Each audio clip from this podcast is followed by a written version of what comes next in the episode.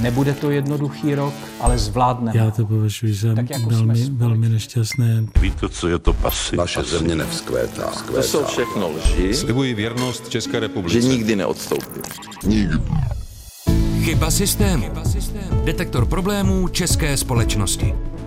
Dnes o znevýhodněných lokalitách. Ti lidi přišli o všechno a vůbec se o tom neví. A ještě se na ně ta společnost dívá přes prsty. Problémy, které se budou eh, řešit po generace. My se přece na ty regiony vždycky upneme jenom ve chvíli, kdy jsou ty volby. Tady je opravdu systémová chyba. Jesenicko potřebuje i trošku jiné informace, než že teda lázeňství se znovu nakopává. Co těmhle lidem vlastně nabízíme i my do budoucna? To není ani tak kruh, jako spíše eh, sestupná spirála.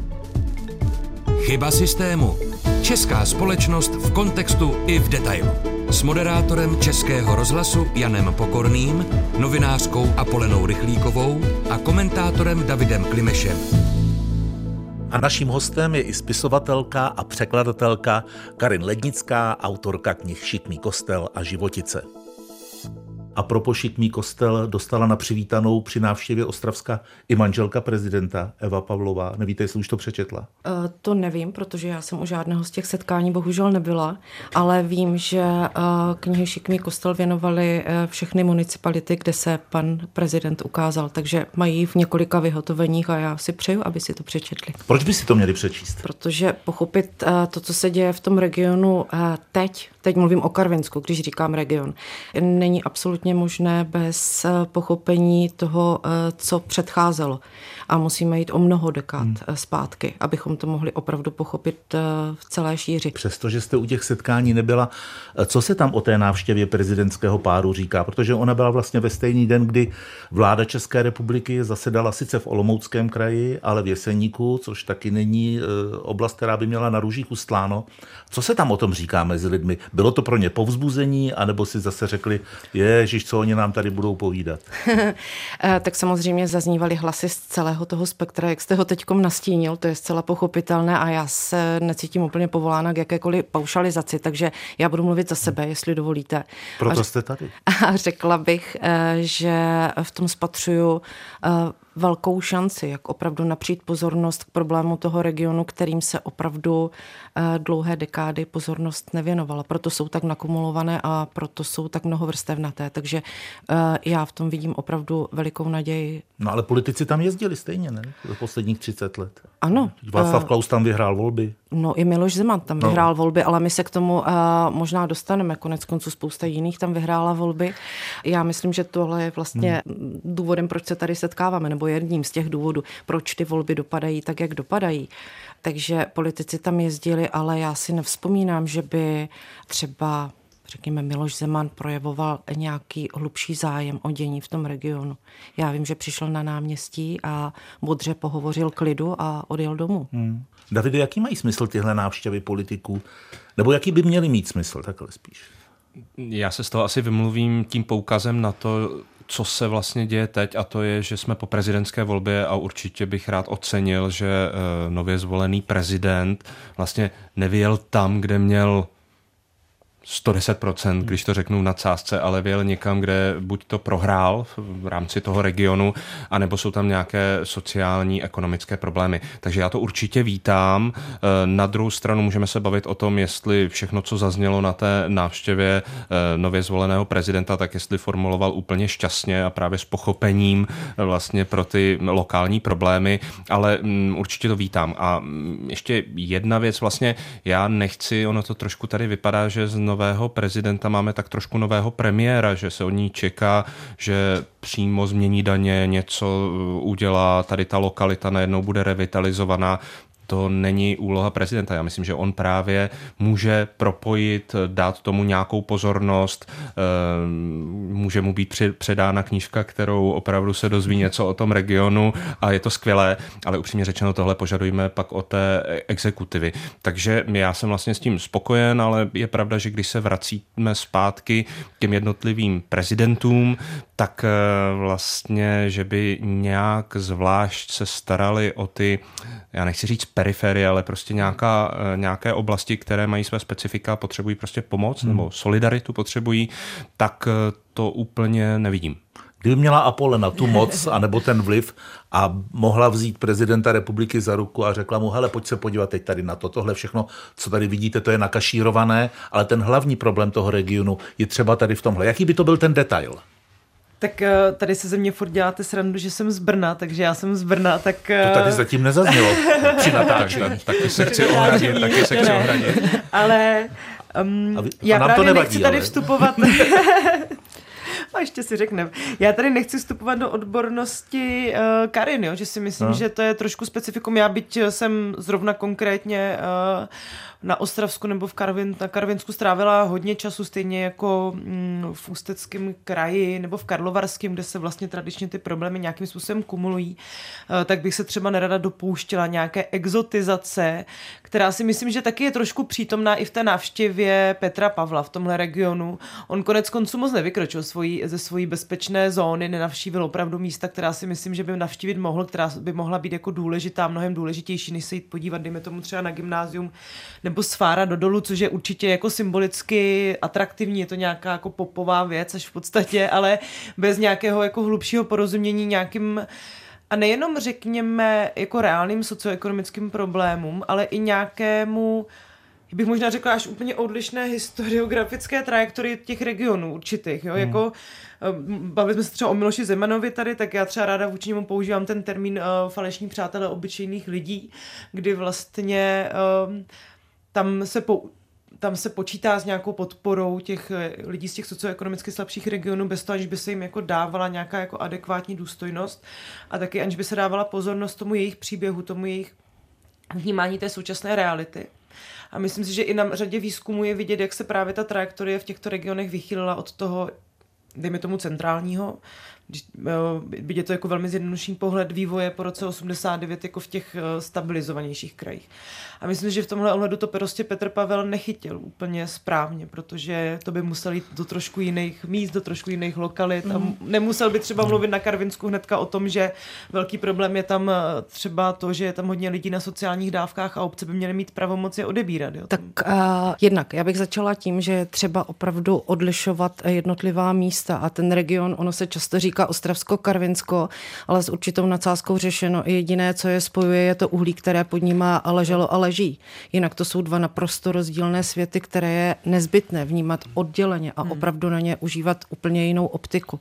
Takže uh, já jakkoliv souhlasím s tím, co Apolena teď před chvílí řekla, tak já tu návštěvu vnímám jako jakýsi začátek, jako jakýsi, eh, jakési nabrýfování. Já jsem trošku kritickou. Uh, nabrýfování, které já samozřejmě taky bych mohla říkat nějaké výhrady, ale snažím se teda, já do toho vnáším zase tu optimistickou naděje plnou linku a doufám, že tohle je začátek, eh, který sloužil vlastně jako takové to víceméně i možná zdvořilostní seznámení hmm. se s představiteli toho kraje eh, a já pevně věřím a chovám velkou naději, že tohle bude pokračovat. K tomu směřuje ta moje naděje, že prezident nebo jeho týmy, které za tím účelem ustanoví, eh, budou mluvit s těmi lidmi, kteří opravdu budou moci deklarovat, že je veliký problém a k tomu se určitě dostaneme to a to a to.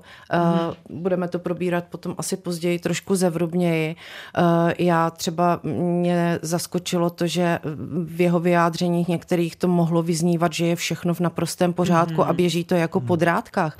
Já tohle tvrzení bych fakt nepodepsal. On třeba říkal, že ten rozvoj Moravskoslezského kraje by mohl být příkladem pro jiné regiony a podobně. No. Jenom, uh, jenom drobnost, že eh, podepisuju spíš to, co říká eh, Karin a nesouhlasím teda ve vší, ve vší počestnosti s Apolenou, že skutečně nečekíme od prezidenta, že to je ten premiér, on opravdu může otevřít ty dveře. Mně se líbí to vyjádření, co když si říkal německý prezident Joachim Gauck, já jsem mluvčí veřejnosti vůči vládě a vlády vůči veřejnosti, tak ano, mohl si vybrat třeba trošinku jiná místa, ale super, že tam byl. Pro mě je třeba trošku větší problém, byť to sem nepatří, že vláda jede na jesen Jesenicko a pochválí si tam lázeňství. Hmm. Já myslím, že upřímně řečeno, uh, upřímně řečeno, myslím si, že v téhle chvíli Jesenicko potřebuje i trošku jiné informace, než že teda lázeňství se znovu hmm. nakopává a je tam dobrý pramen k popití a ještě u toho se udělá pár fotografií. Tak jenom to byla taková jako politicko-praktická notická, že chápu, proč je po, těsně po přímé volbě taková vysoká podpora nově zvoleného prezidenta, prostě protože nepo, ještě nic nepokazil, tak ho máme všichni rádi, ale není to premiér, žijeme v parlamentní republice. No ale právě to je ta symbolická rovina, eh, která si myslím, že mu náleží. Pro mě třeba velkou hodnotu mělo, když eh, cestovala na Mostecko nebo na Ústecko, teďka si to nepamatuju přesně, a vyfotil se vlastně s těmi romskými dětmi. A pro mě to byl okamžik, který jako člověku, eh, který dlouhou dobu vlastně píše třeba o problematice Romů a Romek v České republice, znamenal jako symbolický milník.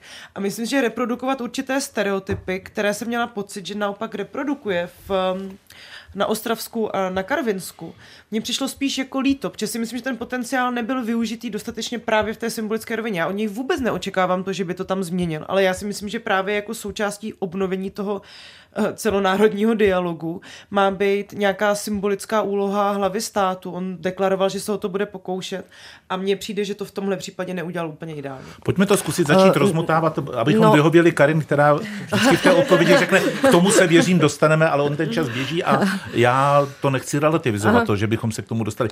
Kde je v té, na tom Karvinsku zakopaný pes? Uh, tam je mnoho zakopaných psů právě tou dlouhodobostí té, toho neřešení, takže my se opravdu uh, můžeme se dostat k tomu, o čem mluvila před chvíli Apoléna a čerpala z vyjádření prezidenta, které jistě on taky čerpal z něčeho, co mu bylo během té návštěvy řečeno. A není těžké odvozovat, kdo mu to asi tak řekl. Ale uh, my bychom se měli opravdu, tak jak jsem o tom mluvila před chvíli, vracet zpátky, hmm. protože eh, jestliže začneme řešit jenom ten aktuální stav, eh, tak to nemůžeme pochopit. Ne, to a, to, že, jako úvod do problematiky. A, a to řešení opravdu nemůže být úplně správné, takže těch zakopaných psů je velké množství. A zase není to odklon od uhelné těžby, to je poslední článek hmm. velmi dlouhého řetězce, který započal někdy v roce 45 košickým vládním programem, který co si stanovil byl a co bylo potom během dvou letky a pěti letech naplňováno. Bavme se tady o tom, že tady zanikla celá města a vlastně nikdo se těm lidem, eh, já nechci užívat slovo neumluvil, ale stejně ho užívám, protože teď asi nepřijdu na nic lepšího, ale nikdo neřekl, nám je to líto, že desetitisíce lidí přišli o domov a byli vyhnány z domova, přišli o veškeré společenské vazby, někdy i rodinné vazby, eh, že jste žili v zdevastované krajině. Ano, my jsme si toho vědomi, ale tohle to nikdy nezaznělo. Takže tohle to je třeba v té rovině řekněme, psychologicko-sociologické, nevím, jak by, kam bychom to mohli zařadit. A potom tady jsou samozřejmě ty faktické problémy, ke kterým můžeme dokládat tvrdá data, tak jak to nastíňovala třeba před chvílí Apolena. My uh, tady máme třeba exekuce, já teda, ať jsem konkrétní, v uh, obci s rozšířenou působností o 63 tisících lidech je 7 tisíc lidí, kteří mají aspoň jednu exekuci. Těch exekucí je ale celkem 40 tisíc a dluh na nich hmm. váznoucí jsou 2 miliardy korun, které nikdy nemůžou být splaceny, protože všichni ti lidi jsou v situaci, kterou samozřejmě známe. Dále bych mohla pokračovat, že 10% dětí na karvinských školách nedokončí základní školní docházku, čím se z nich vlastně stávají ideální kandidáti pro celoživotní pobírání sociálních dávek, protože jim to vlastně nedává ten systém hmm. jinou možnost. A takhle bych mohla pokračovat. Těch dat je spousta, mám tady plné stránky. Vy to tam zevrumě znáte, ale abych si to dokázal představit. To znamená, že část dětí tam žije tak, že přijdou do školy a už se odsnou na okraji, už v té třídě. Samozřejmě, protože tady a ty máme... exekuce je to nezačarovaný, možná prokletý kruh. Je to, je, spíš... je to samozřejmě, to není ani tak kruh, jako spíše eh, sestupná spirála, bych už řekla, hmm. že se ani nepohybujeme v začarovaném kruhu, protože jestliže tady máme rodinu, která je uvyklá už třeba ve třetí generaci, být závislá, žít jen ze sociálních dávek, tak jaká je motivace toho dítěte dokončit školní docházku? Ta motivace chybí.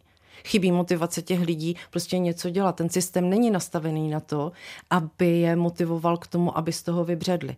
Takže když tady potom máte člověka, který opravdu eh, nedokončil základní vzdělání, jeho děti ho nedokončili, ani jeho vnuci ho nedokončují, on má na sobě 20 exekucí, které nikdy v životě nemůže splatit, tak co má dělat? Hmm. Jo, a já si myslím, že tady je opravdu systémová chyba. Nechci teď, abych tady působila jako nějaký spasitel, který má to řešení. Tady je zase chyba systému. Ale, ale pojďme, no jsme v chybě systému, já si myslím, v tom případě jo, jsme na správném místě, bych řekla. Jo, takže těch uh, problémů, o kterých, uh, které vlastně citoval ve své promluvě pan prezident, tak uh, odrážejí část reality, ale ne celou část reality. Těch hmm. problémů je tam mnohem více, tohle to je jenom výseč. Hmm. Davide? Jenom já vždycky v těle věcech mám pocit, že se buď mluvčí, anebo pak i posluchači, diváci propadají do takového, tak tohle už nikdo nikdy nezmění. Já samozřejmě chápu, že a málo lidé, kdo to může tady říct lépe než Karin, že to má fakt dlouhé hmm. uh, historie a problémy, které se budou řešit po generace, ale zrovna exekuce vždycky existují věci, které je možné relativně rychle posunout. A ty hmm. exekuce, já jsem na to reagoval, pokud jsme při novele insolvenčního zákona 2019 měli pocit, že nějaké změkčení povede k morálnímu hazardu a všichni se budou tady bezhlavě zadlužovat a rozvrátí to republiku, tak dnešní situace je, že my potřebujeme do odlužení v České republice dostat a určitě nadproporčně v nějakých periferních krajích nebo problematičtějších krajích zhruba 400 tisíc lidí a do, té, do toho odlužení vstupuje asi 20 tisíc lidí. Dokud ten poměr nebude třeba já nevím. Půl na půl aspoň. Půl na půl, nebo hmm. něco, co dám dá naději, že ten papiňák se vypustí, tak to není morální hmm. hazard, je to neřešení situace.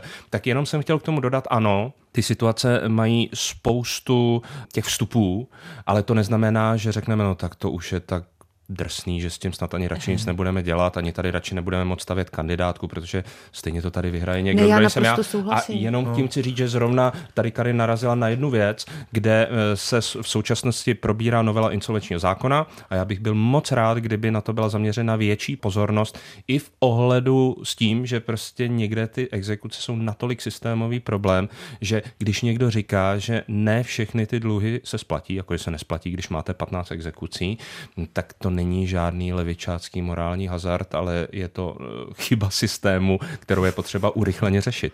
Vy jste uh, mě doplnil v tom, co jsem vlastně chtěla říct já. Já nechci, aby to působilo ani tak, jako že to je bezvýchodné a nemá vlastně smysl se ani pokoušet to nějakým způsobem řešit. Já jsem chtěla vlastně říct, že ti lidé jsou bezradní a já s nima mluvím. Hmm. Eh, já s nima mluvím a oni jsou opravdu úplně bezradní, protože vůbec nevědí, jak by se z té situace mohli dostat. A tam potom, to mě to řeknu, to mě pobavil jeden z těch lidí, kterých se to týká eh, v naprosto, eh, řekněme, vyloučené čtvrti. A říká mi, za komunistu to bylo lepší, bo to jsem pracoval. A to je to je, to je hmm. zlatá věta. Hmm. A řekl mi to, když jsme spolu vypili opravdu uh, flašku lahového piva na lavičce na náměstí. Jo? Takže to byla opravdu uh, každý, debata. Každý jednu? Nebo? debata uh, já jsem vypila jenom jednu a pak jsem odešla, takže za něho nemůžu mluvit, hmm. ale já jednu. Ale ne, jde o to, že uh, je to samozřejmě uh, asi vím, výjimka, ale jestliže si ten člověk, který žije v tomhle prostředí, uvědomuje, že mu vlastně tohle tak úplně nevyhovuje, ale neumí se z toho vymotat, tak si si myslím, hmm. že to je hmm. dobrá zpráva, ne? Já bych na to možná chtěla reagovat to je právě ten problém o, té rozdíl, o tom rozdílném vnímání té historie, že vlastně velká část té české společnosti se uh, logicky vztahuje k tomu roku 1989, k nějakému referenčnímu momentu, od kterého se vlastně odvíjejí různé trajektorie. Já třeba, když jsem takhle jezdila psát o úpadku zdravotnické péče ve Šluknovském výběžku, tak tohle byla jako jedna z nejčastějších věd, které jsem tam slýchala a to především i proto, že ti lidi vnímali úpadek té infrastruktury, to znamená, máme tady nemocnici, kterou prostě už několik let není schopný ten kraj nebo stát, to už jako těm lidem bylo jedno, kdo za to může, uvést do pochodu. To znamená, mladí lidi tady odmítají rodit, protože nebudou riskovat, že se nedostanou do Děčína, do nemocnice, eh, staří lidi se tady bojí žít, protože nikdy neví, kdy hmm. třeba dostanou mrtvici, infarkt a jak to vlastně bude vypadat. Bylo tam velmi třeba běžné, že si ty sanitky přendávali uh, na benzínové pumpě. Kolikrát se stalo, že se ty lidi třeba probudili v šoku, viděli, že si je přehazují z auta do auta. Celý řetězec takovýchto traumat, přesně nikdo tady nechce zůstávat, ty kraje se nám vylidňují, lidi, co vlastně chtějí něco dokázat, odchází do Německa, protože přímo za hranicemi je skvělá nemocnice, skvělé školy pro jejich děti, Takhle to no. oni popisují, jo? To je jedno. Jako mě, mě jde o tu jejich perspektivu. A proto tohle přesně... si může posluchač poslechnout v audioknize stát v rozkladu na plusu? No, no, no, tak to je. Ale mně přišlo vlastně zajímavé, že hrozně moc z nich vnímalo ten úpadek té infrastruktury právě jako něco, co jim ten minulý režim zajišťoval. A velmi těžko se třeba z mojí pozice reporterský stupovalo s nima do nějaké polemiky. Protože oni samozřejmě chápali ty výhody toho, v čem žijeme dneska, chápali výhody demokracie a svobody, ale na té jejich každodennosti se to nějak neprojevilo, nebo dokonce kolikrát měli pocit, že ta situace je horší než před 15, 20, 40 lety. A je to nějaký typ sentimentu, se kterým je velmi náročné bojovat. A je taky podle mě důležité jako občas jim přiznat, chápeme ty vaše pocity a no, do nějaké přesně. míry z toho vašeho hlediska jsou relevantní. Přesně. Já, jako vy jste teď řekla uh, docela důležité slovo bojovat, protože to je přesně to, co by se dělat nemělo. Mělo by se naslouchat. Uh, protože a vy tam nebojujete? Uh, s těmito lidmi ne. ne. Tyhle ty se ale sna... za něco, za něco. No to ano, ale uh, já když slyším tady tuhle tu větu, uh, kterou jsem říkala před chvílí, že za minulého režimu bylo lépe, uh, tak zbystřím své bývalé novinářské smysly a opravdu se snažím dopídit toho co vede hmm. člověka k tomu výroku. A obvykle se dopídím toho, proč to říká, protože pro ně je to obrovská zkratka. Ti lidé nejsou uvyklí tomu, aby se vyjadřovali a nějak uváděli ty věci do kontextu. Řeknou vám to napřímo a tohle to je ten způsob, jak vyjádří, hmm. že se jim žilo lépe a mnohdy se jim objektivně žilo lépe, ne že subjektivně, objektivně se jim žilo lépe a to, že to třeba neumí verbalizovat tak, aby to bylo třeba srozumitelné někomu, kdo je z velké dálky a je velmi ošidné, i když velmi lákavé, říkat eh, o tom člověku, že je hloupý a že to nechápe a že neumí docenit eh, výhody toho, v čem žijeme teď a že nechápe to a ono, ale přesně ta každodennost těch lidí je hmm. taková, že opravdu, když oni osobně posuzují to, jak se jim žilo tehdy a teď, tak většina z nich řekne, že tehdy to bylo lepší. A teď jde o to ptát se jich na to proč a mluvit s nima. Hmm. Neohrnovat nos a neříkat, vy jste hloupí, vy tomu nerozumíte. Jo, my to víme mnohem lépe. To je cesta do pekla. Chyba systému. Chyba systému. Detektor problémů české společnosti. Karin, nestála vy jste u toho, nebo nebyla jste tam, když se zavíral důl Darkov a tam stáli ti horníci a někdo tam mluvil a tak a těch horníků si nikdo nevšímal? Já jsem stála s těmi horníky a já jsem s nimi mluvila. Jaké to bylo? Novio? No, tak uh, jasně.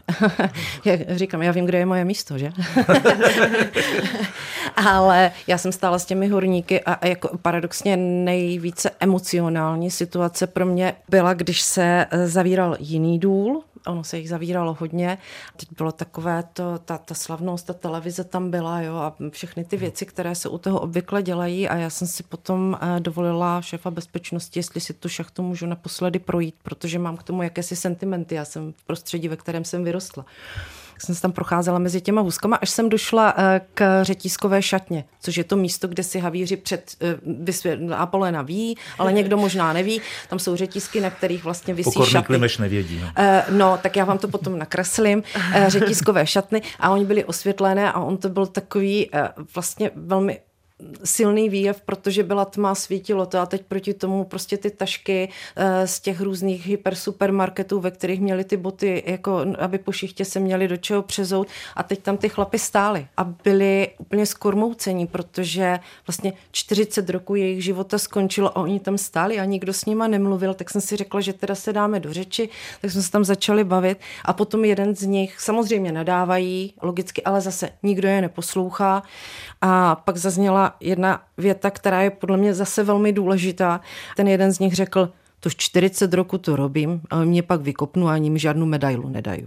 Jo, hmm. a teď si to přiložte, co to znamená, protože ono to vypadá, že on baží po nějakém kousku kovu v krabičce, ale tady jde o to vlastně, že nikdo jim no. nepoděkoval. A to je třeba to, co říkají dříve, to bylo lepší, protože ten předchozí režim opravdu s tímhletím velmi promyšleně pracoval, aby ti lidé si vážili, jako vytvářel v nich jakousi iluzi toho, že si váží jejich práce, že si váží jich.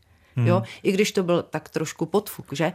Ale dokázal tu iluzi vytvořit a teď tam ti chlapy udření stáli a oni jsou opravdu udření a v podstatě jsou úplně bezprizorní, protože prostě si jich nikdo nevšímá. Já nebudu mluvit o Karvinsku, eh, protože za prvního neznám, za druhý nevím, jestli eh, novinář, eh, který deset let pracoval v vydavatelství Zdeňka Bakaly, je pro některé mm, oblasti ten nejdůvěryhodnější, hmm. ale to, co je pro mě důležité... Tak můžeme říct, že už tam nepracujete, ne? Ještě měsíc. Ještě měsíc.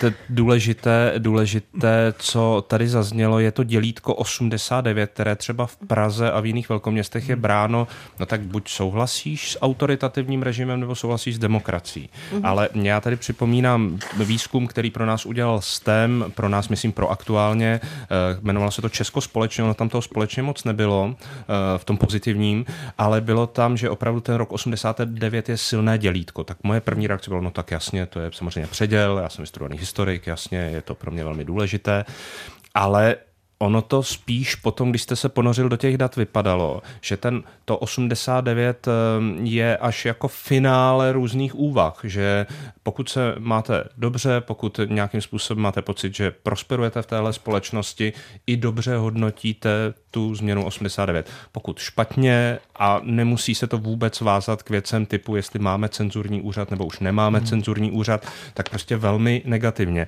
A eh, až mě to překvapilo, jak je to silné, že hodnocení nějaké dějiné epochy se vlastně zakládá na tom současném eh, ekonomickém sociálním stavu. Ono to samozřejmě není překvapivé, ale ta síla eh, toho mm, překvapivá byla a já ještě mám rád jeden jeden průzkum, který uh, udělal taky STEM a uh, vlastně bylo to k roku 89 a zaujal mě citát, jestli mohu, uh, k tomu, jak to vypadalo před rokem 89, když člověk opravdu mohl studovat, ale když už nechtěl studovat, tak musel jít pracovat, prostě něco dělat. Neexistovalo, že by si člověk doma lehnul a nechal se od ostatních živit. Taky byl větší pocit bezpečí, to se mi před rokem 89 líbilo.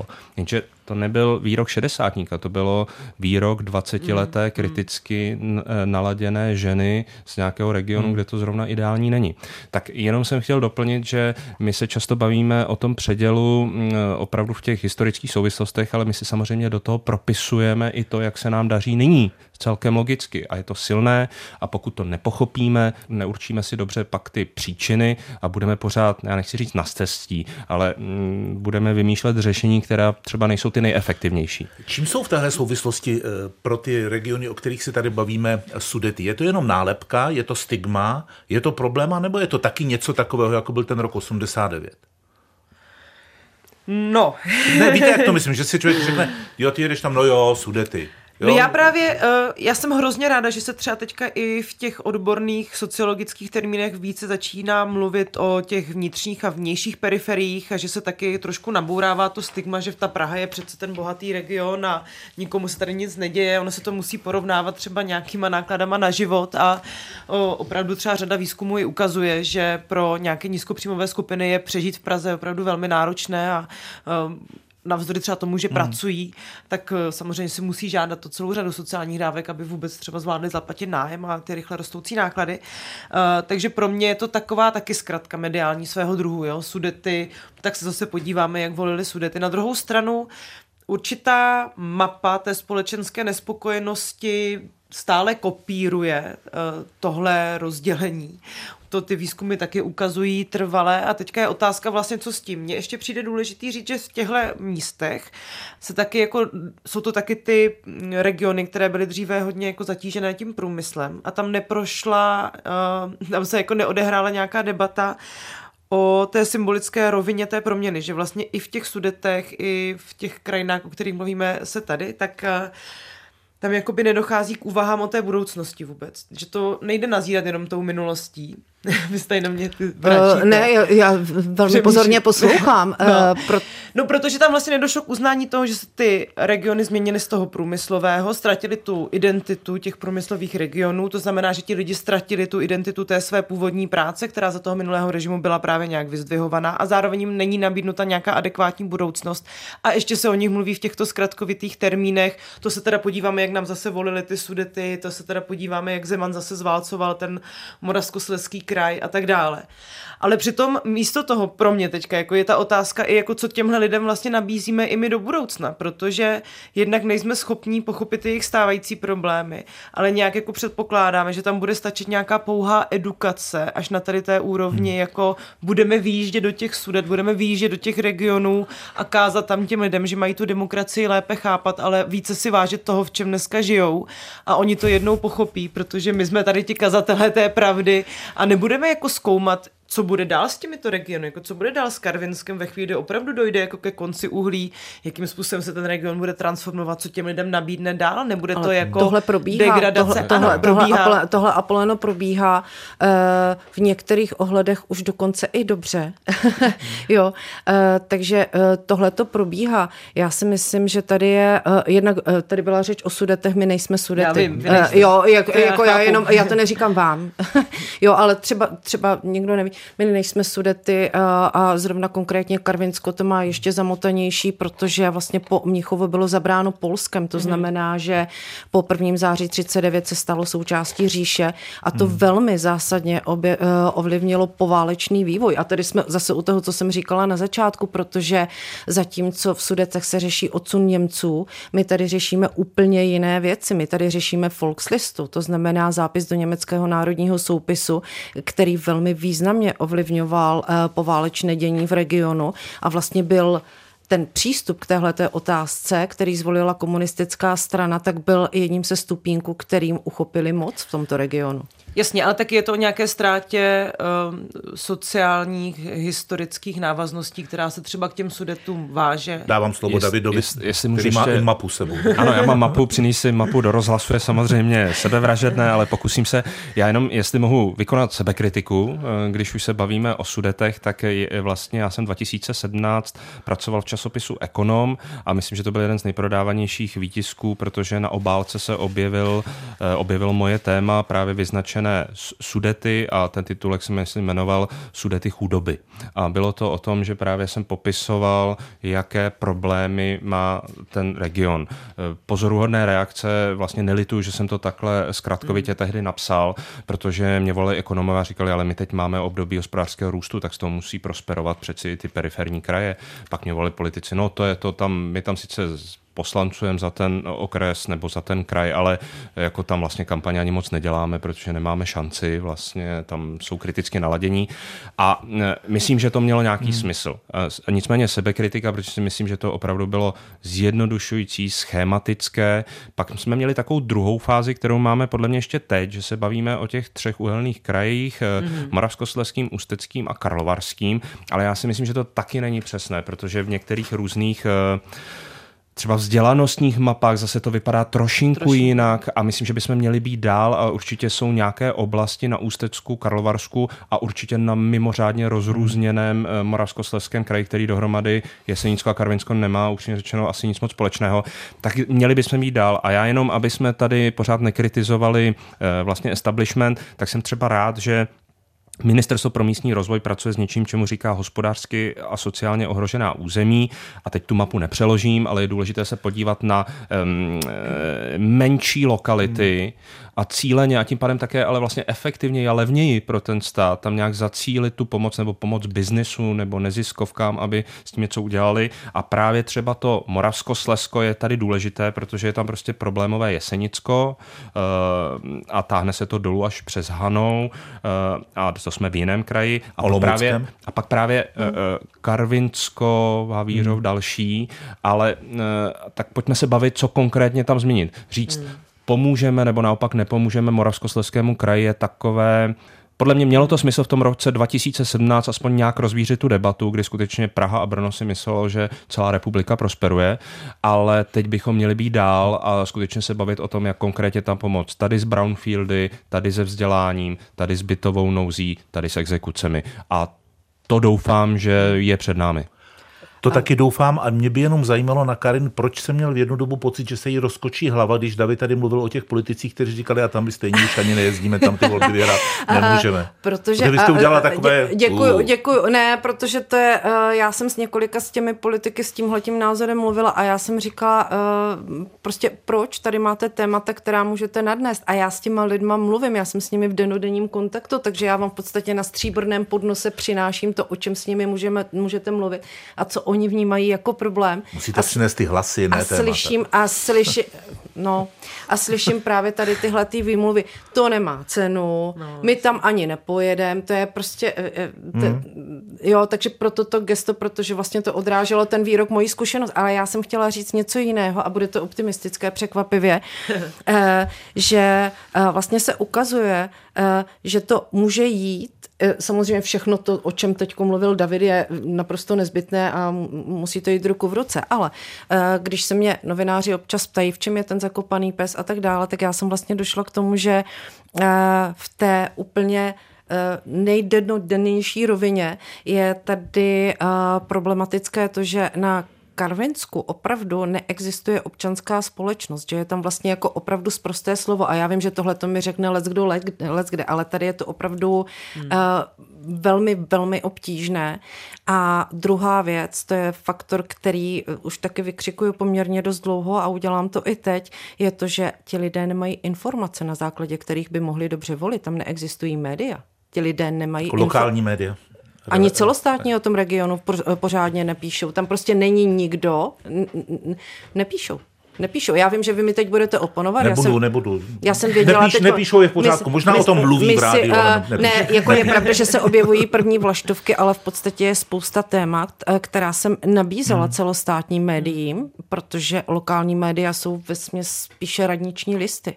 Mm. dávala se mi jako tip a mm, většinou to prostě neprojde, protože je to regionální téma, které by eh, eh, nezajímalo a to je něco, to je ten, to je ten velký problém a teď přejdu k té optimistické věci, ať vás trošku upokojím, pane Pokorný. Já jsem úplně spokojený, jenom jsem si, si říkám, pardon Karin, že ještě, ještě jo. kdybyste řekla nějakému celostátnímu médiu, a nemusí to být zrovna médium veřejné služby, hele, ta Karvina, a vy to říkáte, to je Mordor, tak to... potom skočí. No, tak milíte se, já to říkám tři roky a ještě potom nikdo neskočil. ne, já jsem naopak chodila s papíry sepsanými na stříbrném podnose, ozdrojované a říkala jsem, podívejte se, tady máme prostě problém, tady je časovaná bomba. A já to nechci bulvarizovat ani nějak zlehčovat, protože všichni víme, o čem teď mluvím, ale prostě ten problém je obrovský. Tady je spousta věcí, u kterých by jenom pomohlo, kdyby se v tom ti lidé orientovali, ale oni se nemají na základě hmm. čeho zorientovat. Já třeba si to umím najít. Jo, umím si najít ty doklady, které prostě dokládají to a to a to, ale nemůžeme to chtít prostě po lidech. A ta optimistická část je, že v Životicích, což je vlastně bývalá obec, která byla v roce 60 eh, přičleněna k Havířovu, eh, vzniklém pět let předtím eh, jako socialistické město, výkladní skříň. Eh, tak eh, tam žije nějakých 13, já to zaokrouhluju, omlouvám se, nevím to přesně, ale dejme tomu nějakých 13 obyvatel a tam se vlastně děje to, co dokladuje, že toto je taky důležitá cesta, protože je tam občanská společnost, ono na te, v těch chalupách je to jednodušší, to obejdete, potkáte se na fotbale v hospodě, ale funguje to, vydávají eh, za vlastní náklady věstník, kde píšou, co se skutečně děje, protože v novinách se to nedozvědí. A výsledek eh, je takový, že občanské združení, které tady tohleto všechno několik let na tom maká, ti lidi teda padají na ústa už, ale hmm. dosáhli v komunálkách eh, 55% a vyhrál tam Petr Pavel protože no. měli ty informace. A já si myslím, že i v tomhle tom je ten klíč, v té nedostatečné hmm. informovanosti. Já jsem tady tak trošku nadskočila, protože si kladu pořád do kolečka tu otázku, jako my budeme posuzovat tu správnost podle toho, jestli ta volba byla z našeho pohledu, ne, ne, ne, já to jenom dořeknu, jestli ta volba byla z našeho pohledu správná nebo ne. Já si myslím, že ta past je právě přesně v tom, že my se přece na ty regiony vždycky upneme jenom ve chvíli, kdy jsou ty volby a ty centrální části prostě si držej v té Praze eh, ty, ty pěstičky ne, a říkají si, tak jak to tam zase dopadne, jaká ta mapička no. tentokrát bude. A že to je pro mě přece ten problém, že nás by měla zajímat to všechno v tom mezidobí a ne těch pár hektických hmm. měsíců a jednou máte, za čas. Máte pravdu. Mám jako pocit, že najednou se řekne tak teďka, teďka jsou ty volby, tak se hmm. zase podíváme, jak to tam dopadlo chvilku se budeme prostě rozčilovat nad tím, jak to tam dopadlo, řekneme si tady ty ABCD, bydlení, exekuce, vzdělání, nedostatečná infrastruktura ve zdravotnictví, absence no. kultury, vylidňování regionu, bla, bla, bla, ekologická krize a jdeme Zopakujeme dál. mantru a máme na čtyři roky. My se téměř každý týden o tom eh, projektu Česko život k nezaplacení bavíme s Danem Prokopem ze společnosti no. Pek Research, který eh, ta data má, ale my bychom se měli bavit taky o takových věcech, eh, o kterých ani novináři třeba nemají úplnou povědomost. Že třeba na tom Karvinsku jsou místa, která jsou vlastně v zákoně zablokovaná, protože někomu patří a nejde se tam hnout. Jak to tam je?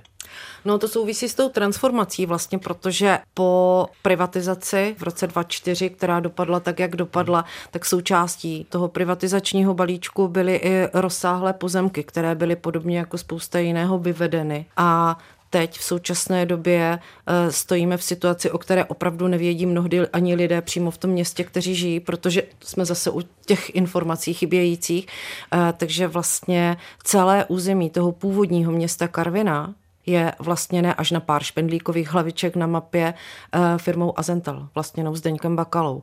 A vlastně tady bych velmi očekávala, že se nebudeme u města, na kterém stály čtyři nacistické lágry, kde došlo ke zločinu, protože já opravdu vyhánění lidí z domova nazývám zločinem a to, to, tohle je to, co se tam stalo. E, a nebylo to pěkné v mnoha případech.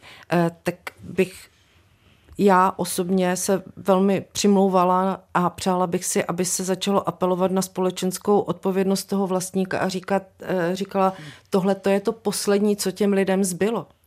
Jo, to je všechno, na čem ti lidi přišli úplně o všechno. Jo, a já, promiňte, jestli to zní pateticky, ale to je to, co já řeším, to je vlastně obsah mojí osmileté práce. Říct, ti lidi přišli o všechno a vůbec se o tom neví. A ještě se na ně ta společnost dívá přes prsty, protože neví, co se jim vlastně stalo. David? Asi nečekáte, že se budu vyjadřovat eh, k vlastnické struktuře na uh, Karvinsku, protože jsem stále ještě zaměstnanec Zdeňka Bakaly, to asi posoudí jiní, ale chci tak podtrhnout, za měsíc. za měsíc, ano, chci podtrhnout tu důležitost těch vlastnických uh, vztahů a jejich neřešení. Tady prostě se stala nešťastná věc, jak vnímáme transformaci 90. let, kterou nijak nevrátíme a nemá smysl plakat nad těmi chybami ale málo kdo si uvědomuje, kolik vlastně k těm podnikům bylo přeřazeno vlastně sociální, bytové, jakékoliv jiné vzdělanostní infrastruktury eh, a že doteďka vlastně jsme to dost dobře nevyřešili, typicky vlastně mm, neschopnost rozvíjet nějaká území, to je typické. My jsme to zúžili na takové ty ekologické škody, které doteďka hmm. teda mimochodem nejsou eh, dořešeny, jsou na to nějaké fondy, velmi pomalu se to řeší, ale to není eh, jediná věc. Já vlastně pro mě je nejlepší dokument o firemní kultuře 89-90 eh, film Kouř který si všichni eh, evokují jako velkou srandu, ale vlastně jak on tam prochází tím nechutným bydlením, nechutnými hospodami, obrovskými pozemky, které patří té firmě, se kterou nemá žádný vztah a nakonec teda firma zaplatí DJ, tak vlastně to je velmi dobrá sonda do toho, jaké všechny role plnil ten socialistický megapodnik. Eh, pak se to zprivatizovalo, to nevrátíme, ale je potřeba si uvědomit, že ty problémy v těch regionech nezůstaly jenom ekologické, respektive, že je potřeba změnit tu průmyslovou historii na nějakou uh, historii moderních služeb. Že tam jsou často zablokované bytové, vzdělanostní, sociální a často právě pozemkové věci, kde Nejsem, nejsem právník, to by tady musel být profesor Kysela, ale uh, určitě je možné, určitě, určitě je možné, aby uh, obec, kraj, stát hmm. těmto lokalitám s tím nějak pomohl, protože ty lokality za to nemohou hmm. vlastní vinou. Ale, ale, ale koncem jak... i ty služby, protože když eh, tam není kupní síla, no tak ty služby jdou taky do háje. Ale mě by zajímalo, jak by se mělo pomoct v místě, kde opravdu, když se zprivatizovalo OKD, tak Zdeněk Bakala, já tady o něm mluvit můžu, protože nejsem jeho zaměstnankyní a dokonce jsem o tom napsala řadu textů, dostal 40 tisíc bytů. OKD bylo a dneska firma Heimstaden největším vlastníkem nájemního bydlení v Česku. Týkalo se to více než 100 tisíců lidí. To je číslo, které vlastně si jinak v rámci té vlastnické majetkové struktury v Česku vůbec neumíme představit. Je to mnohem bližší nějakým opravdu velkým nájemním fondům, které jsou třeba běžnější v jiných zemích. A myslím, že se tam k tomu váže opravdu nejenom um, velký pocit nespravedlnosti, protože ve chvíli, kdy tento vlastník veřejně slíbil, že ty byty těmto lidem odprodá, pak se to nestalo, tak došlo k takové míře odcizení, která ale uh, my se tady bavíme o té novinářské odpovědnosti, která ale nebyla nikde jako důsledně zaznamenána, protože tito lidi nedostali adekvátní prostor a adekvátní hlas, aby vyprávěli ten příběh toho, co se vlastně váže k nějakému odcizení v tak důležité oblasti, jako je bydlení. To není jenom jako zkušenost, kterou ty lidi mají s komunismem a s nějakým jako necitlivým nakládání s jejich majetkem, jako v té současné společnosti přece. Jako je jediná rada, jak řešit krizi bydlení, tak se přestěhujte bez ohledu na to, že lidi mají někde pracovní, sociální, rodinné, vztahové hmm. vazby. Ten problém z mého pohledu je, že to přeci není jenom případ OKD a znovu se vracím k tomu, jakým způsobem probíhala transformace, kterou už nevrátíme. Spousta z těch věcí bylo eh, za socialismu, ty podniky plnily mnohé sociální, bytové a další funkce. A, já, eh, a mnohokrát vlastně to bylo vloženo do těch privatizací. Tam není pravda, není pravda, že by ty obce jakoby vůbec nic nedostali. Oni často dostali třeba pětiprocentní podíl v tom podniku a pak o něj přišli, jakmile přišel někdo s první nabídkou. Tam nějaká úvaha byla, ale nebyla funkční. Ty eh, byty, pozemky, ty blokovaná území šly pryč a já si skutečně myslím, že v téhle chvíli v mnoha případech eh, je možné, aby ten stát nějakým způsobem pomohl rozvoji těm, těm obcí. Skutečně k případu OKD se nechci vyjadřovat, ale mnohé blokované, vlastně dneska už tomu říkáme brownfieldy, protože prostě hmm. už tam nic není, je tam ta zkrachovalá fabrika, nebo nějaká území, která jsou blokována a ta obec je potřebuje pro svůj rozvoj, tak to si myslím, že něco z, například z hodně rychle plynoucích eurofondů, z Národního plánu obnovy, eh, z fondů spravedlivé transformace a tak dál, by se mělo začít uh, plnit. Tady dámy na mě kývají hlavou, jenom ne, chci oni, upozornit. Oni, oni kroutí hlavou, pozor. Dobře, dobře, Jediný, dobře, já jsem, já, já jsem to tady dezinterpretoval.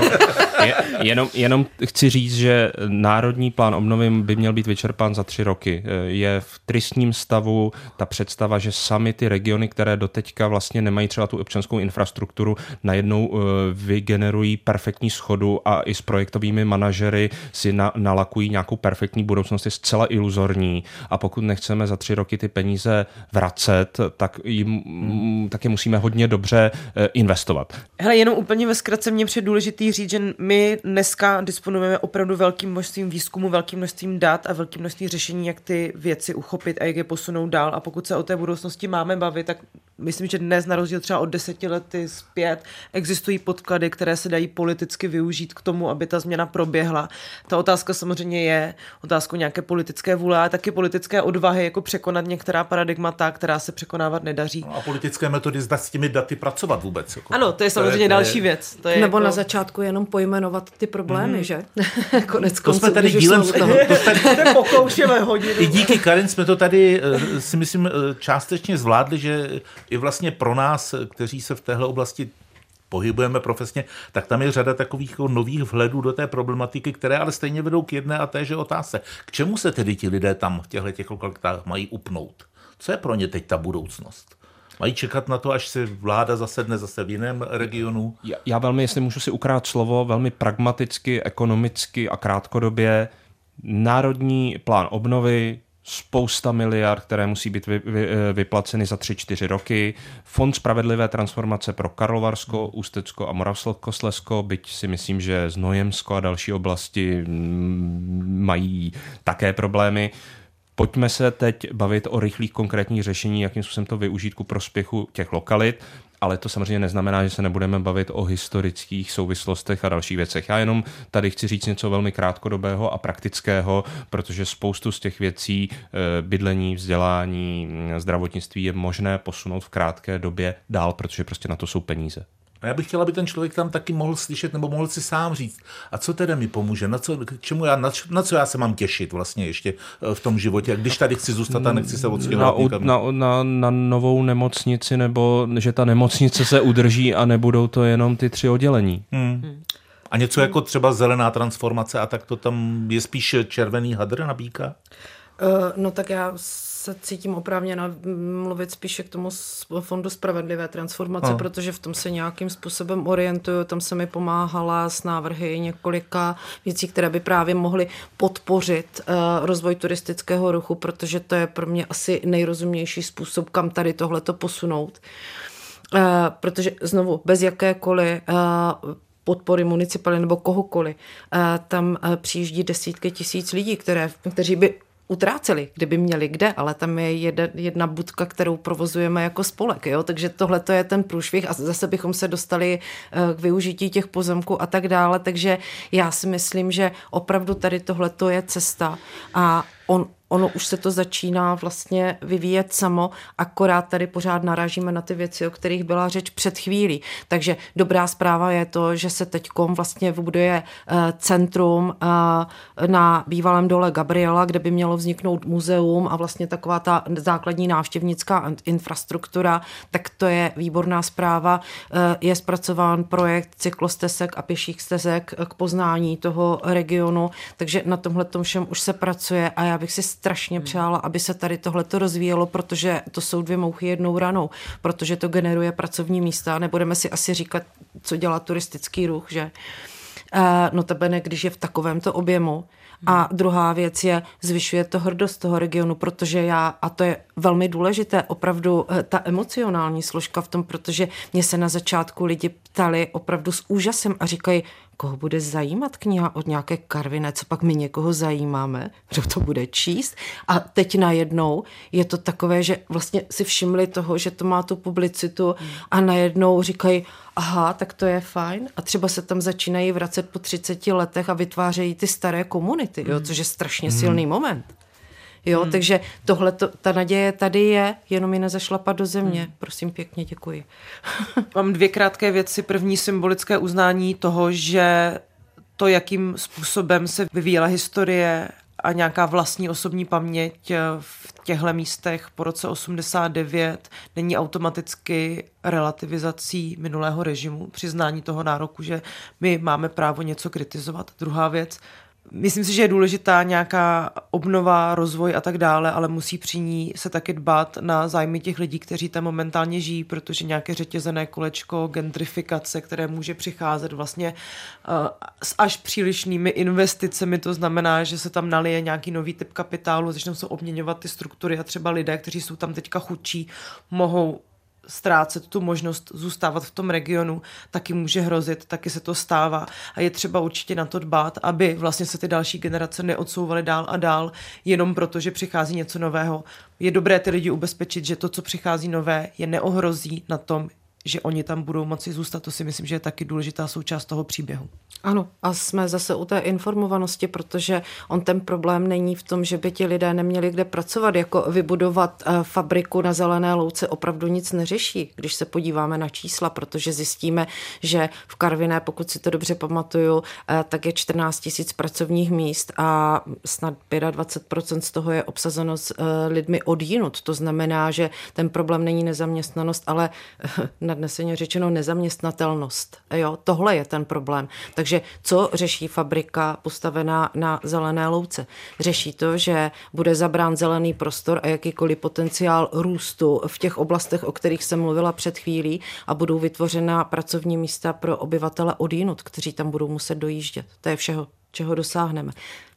To je, jenom chci říct, že to je takové nešťastné kolečko po 30 letech, že původně jsme od toho podniku chtěli, aby pro nás udělal uh, vzdělání, byty, volný čas, hospodu, DJ z toho kouře teda ještě jednou připomenu a dopadlo to tristně. A teď vlastně stavíme ty podniky, kde já nepožadu, aby se toto vracelo, ale skutečně asi by jinak mělo fungovat nějaké urbání plánování, dostupnost dopravní infrastruktury, bytů, školství, zdravotnictví. Pokud ty podmínky nebudou splněny, tak eh, buď eh, investor musí nějakým způsobem vejít do toho dialogu s tou obcí, ale není možné vlastně se dostat po 30 letech od toho, že ten podnik zajistil všechno, k tomu, že ten podnik eh, nezajistí nic. Konec konců ani to není recept na dlouhodobý profit toho podniku.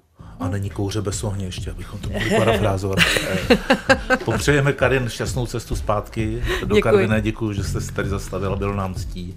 Děkuji. Už je, trojka, no, už je trojka napsaná? Ne, ne, ne, uh, momentálně jsem uh, dovzdělávám se v technologii hlubinného dobývání ložisek na přelomu let 49 a 50. Je to velmi obtížný obor, ale bez toho nepochopím to, co se stalo při těch důlních neštěstích, která v roce 52 vyvrchovala v Monster proces uh, s důlními techniky, o kterém se taky nic neví. Jsme u další křivdy. Další nepřidám, slibuji. Děkuji mnohokrát. Nevím, Děkuji. kdy to bude. Děkujeme. Děkujeme vám. Díky. Slyšeli jste podcast Chyba systému. Detektor problémů české společnosti s Janem Pokorným, Apolenou Rychlíkovou a Davidem Klimešem. Všechny díly najdete na webu Českého rozhlasu Plus, v aplikaci Můj rozhlas i v dalších podcastových aplikacích.